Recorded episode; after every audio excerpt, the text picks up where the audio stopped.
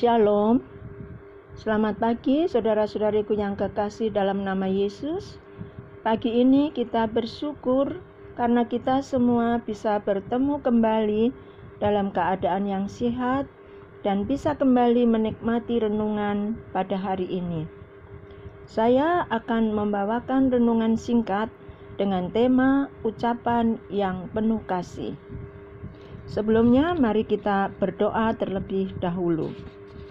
Bapa kami yang di surga, pagi ini kami bersyukur kepadamu karena Engkau memberikan waktu yang terbaik kepada kami untuk menyampaikan uraian firman-Mu. Kiranya Tuhan Yesus memberkati dan memberikan hikmat kepada kami serta memberkati bagi saudara-saudari kami yang mendengarkannya. Dalam nama Tuhan kami Yesus Kristus Sang Juru Selamat kami, kami sudah berdoa. Amin. Firman Tuhan pada pagi ini diambil dari Kolose pasal 4 ayat yang ke-6 yang berbunyi demikian.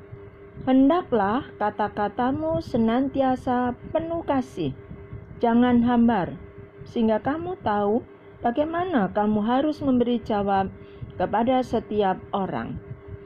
Dari firman tadi ada kata hendaklah. Hendaklah berarti Tuhan Yesus Kristus yang kita percayai menghendaki kita sebagai orang percaya harus memiliki satu kasih, dua jangan hambar. Saudara-saudaraku yang kekasih dalam nama Yesus, yang pertama adalah kasih. Kasih itu adalah Yesus Kristus. Mengapa saya katakan bahwa kasih itu adalah Yesus Kristus? Kasih adalah salah satu dari buah-buah roh yaitu yang terdapat dalam Galatia pasal 5 ayat 22. Demikian bunyinya. Tetapi buah-buah roh ialah kasih, sukacita, damai sejahtera, kesabaran, kemurahan, kebaikan, kesetiaan. Kasih adalah di nomor yang pertama. Definisi kasih banyak sekali ada di dalam 1 Korintus 13 ayat 4 sampai ayat yang ketujuh. Di sini saya ambil dari ayat yang keempat saja. 1 Korintus 13 ayat yang keempat Demikian bunyinya firman Tuhan Kasih itu sabar Kasih itu baik hati. Ia tidak cemburu. Ia tidak memegahkan diri dan tidak sombong. Kata ia di sini adalah kasih. Dan siapa itu kasih? Kasih adalah Yesus Kristus. Kasih adalah ekspresi dari Tuhan Yesus Kristus untuk kita yang percaya kepadanya.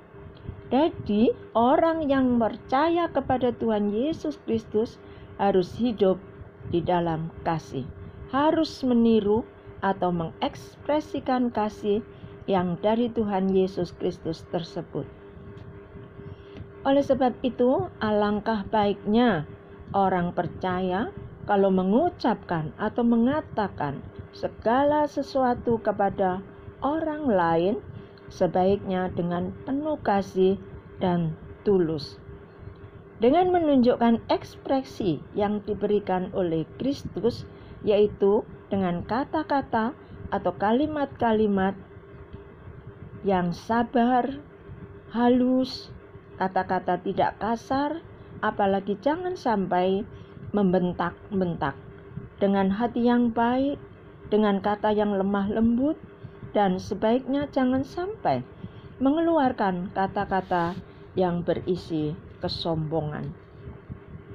Inilah saudara-saudaraku yang dikatakan kasih. Kedua, tidak hambar. Kalau suatu makanan itu hambar atau tawar, berarti tidak ada rasa tidak ada rasa asin, manis, gurih, atau yang lainnya. Jadi, makanan tersebut tidak enak. Kalau makanan tidak ada rasa asin, berarti makanan tersebut tidak diberi garam.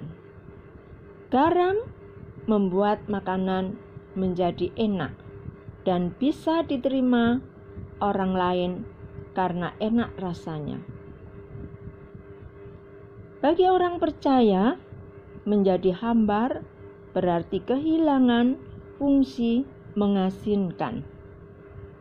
Mereka menjadi sama seperti orang dunia, tidak ada gunanya, dibuang dan diinjak-injak orang. Jadi, orang tersebut tidak bisa menjadi berkat. Ini terdapat dalam firman Tuhan, yaitu dalam Matius pasal yang kelima, ayat yang ke-13. Demikian bunyinya, kamu adalah garam dunia. Jika garam itu menjadi tawar, dengan apakah ia diasinkan? Tidak ada lagi gunanya selain dibuang dan diinjak-injak orang. Saudara-saudariku yang kekasih dalam nama Tuhan Yesus, ucapan-ucapan atau perkataan-perkataan yang tidak hambar sama dengan ucapan-ucapan atau perkataan-perkataan yang digarami. Itu hasilnya sangat menjaga kita dalam perdamaian seorang akan yang lain. Ini terdapat dalam firman Tuhan, yaitu dalam kitab Markus pasal yang ke-9 ayat 50b.